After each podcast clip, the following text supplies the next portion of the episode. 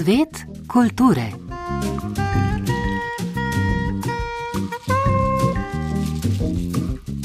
Drage poslušalke, dragi poslušalci, lepo pozdravljeni. Bliža se čas, ko predvsem v angliško govorečih deželah praznujejo Noč čarovnic. Praznik posvečen umrlim, ki ga povezujemo s strašljivim in grozljivim, tudi fantastičnim. V fantastični svet pa vas lahko odpelje tudi drugi Grossmanov festival fantastike in stripa, ki se v Ormožu začenja danes in kjer začenjamo tudi današnjo odajo.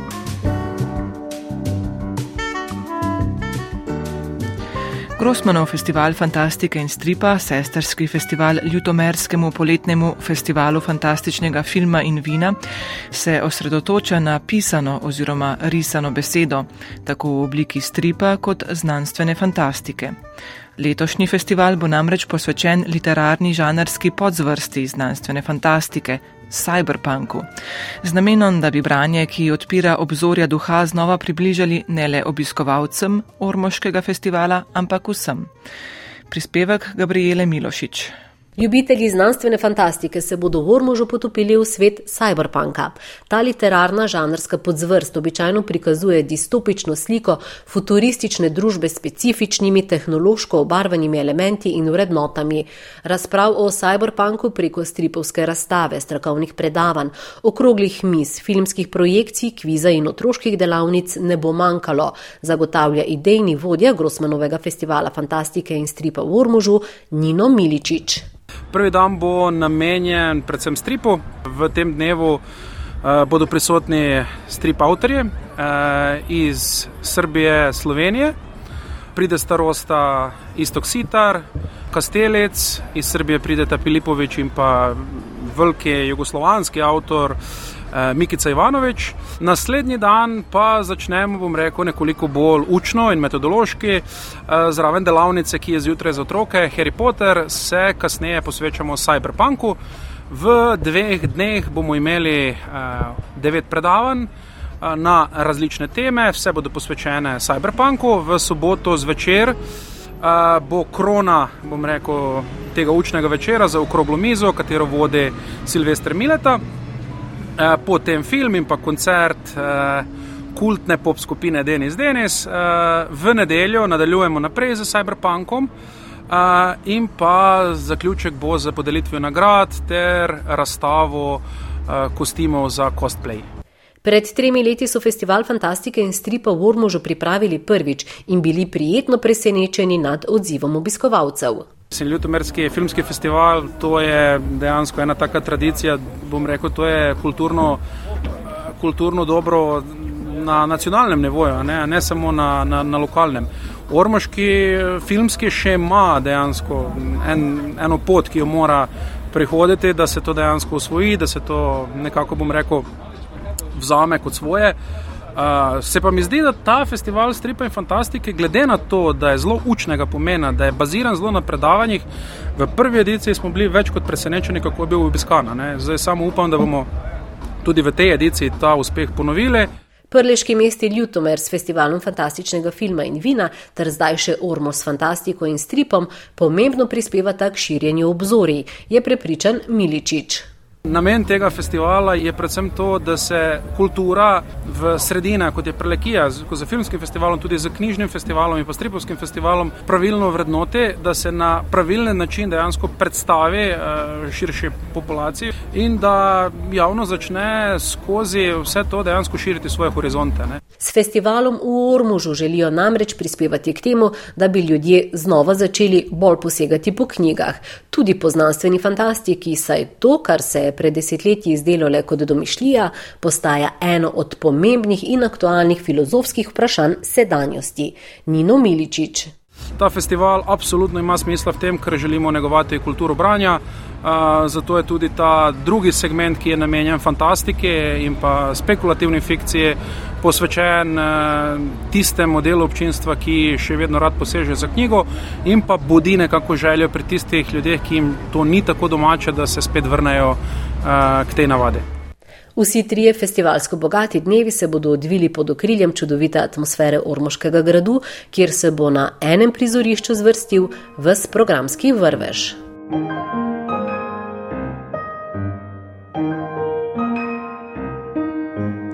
V Ljudkovnem gledališču Ljubljana so včeraj uprizorili predstavo Izginjajoči svet, ki prikaže ozadje nastanka televizijskega dokumentarnega filma.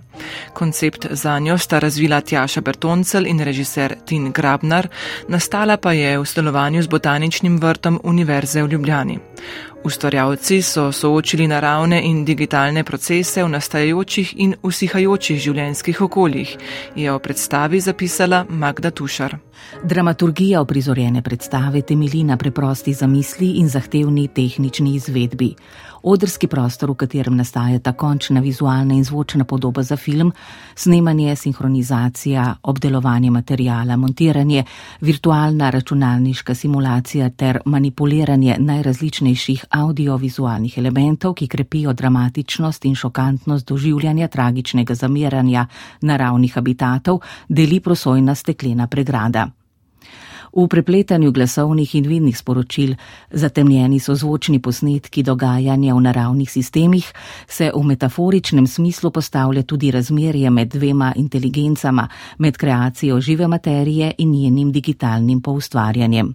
Skozi elektronski medij umetno ustvarjenih kopij primerkov iz rastlinskih rezervatov, iz katerih zastrašujoče hitro izginja biotska raznovrstnost, pri tem je uporabljen tudi postopek fotografiranja s časovnim zamikom, dobimo animirano imitacijo razvijajočih in umirajočih vzorcev življenja, razpadajoče organske krajine, verodostojno magično projekcijo posnetkov zapisov, živega gradiva v obliki konzerviranega spomina za uporabo v družbah prihodnosti. V predstavi Izginjajoči svet, v kateri so poleg računalniških uporabljeni tudi analogni materijali in postopki, igravci, interpreti in animatori Martina Maurič Lazar, Lana Bučavec in Gregor Kuhar razodevajo tudi vsebine, ki celostno opisujejo sliko eksistenčnih prilagajanj in antagonizmov v času podnebnih sprememb.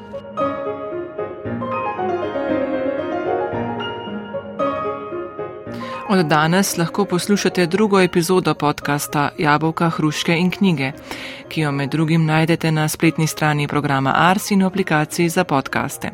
V tokratni epizodi se pogovarjata dijak Poljanske gimnazije Juž Dovjak in pisateljica Veronika Simoniti o njenem romanesknem prvencu Kameno seme.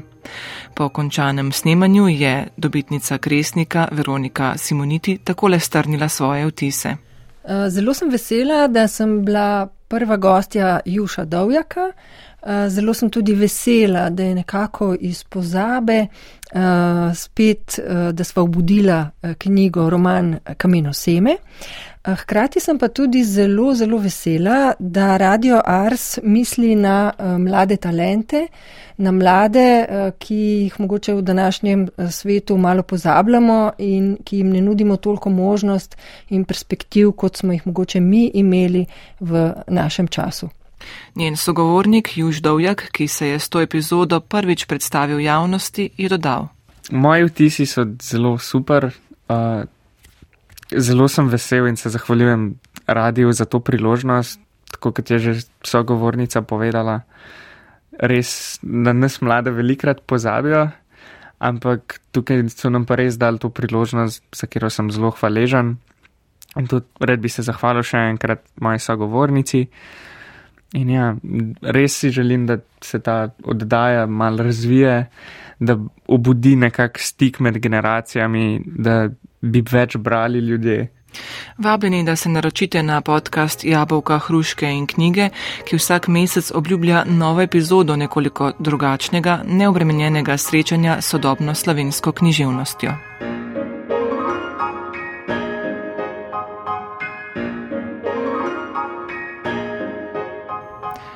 Na današnji dan, že 20 let na pobudo Mednarodnega združenja za animirani film, obeležujemo Mednarodni dan animiranega filma.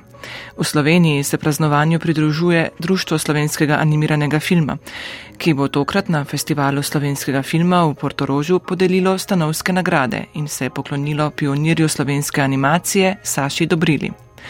V slovenski kinoteki v Ljubljani pa se nocoj začenjajo dnevi polskega filma, ki ljubitelje filma vabijo k ogledu raznolikih naslovov priznanih sodobnih polskih ustvarjalk in ustvarjalcev.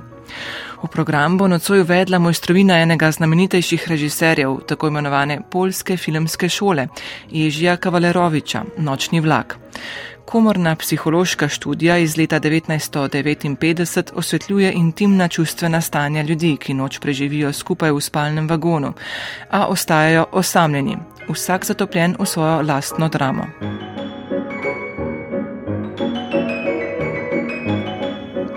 Včeraj so se s podelitvijo Jenkove nagrade v Kranju končali Jenkovi dnevi, ki vsako leto potekajo med 18. in 27. oktobrom, ki zaznamujeta obletnici pesnikove smrti in rojstva.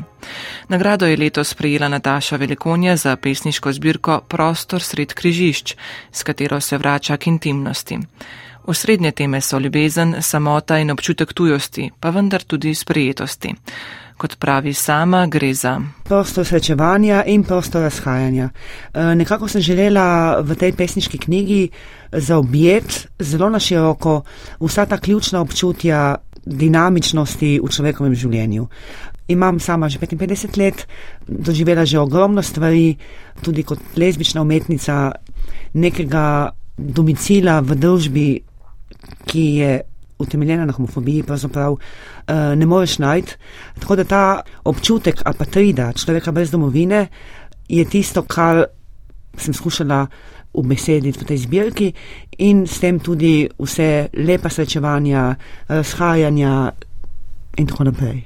Utemeljitev poleg zaokrožene in premišljene zgradbe povdarja, da pretočen pesniški jezik bravca oziroma bravko ponese na svojih brzicah v slikovite prostore intime, kjer ljubimka lirski subjekti v svečer popravlja rdičal, ker ljubezen lovi ali odloži trenutek in se bohoti v vsej svoji silovitosti, tuzemski kompleksnosti in presežnosti. In tako svojo poezijo interpretira Nataša Velikonja. Ona pravi, vse pogosteje gledaš naravno stran, kot ti kdo kaj govori, kot da te sploh ni tam, natrgana, pretrgana, izničena. Poslušam tamle, govorijo, imajo pozicije in vse vedo, pooblastilo za človeško hierarhijo, ki je vse, kar vedo. Brez skupne točke nočem vstopiti, kot bi mi nikdar ne bilo in kot bi njih ne bilo nikdar, gledam mimo in naravno stran.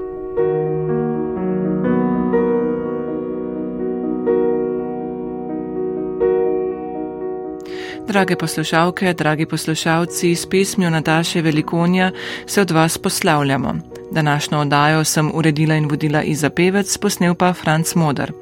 V svet kulture vas znova vabimo v sredo, do takrat pa vam želimo prijetne praznike, ki naj bodo obarvani tudi s kulturo.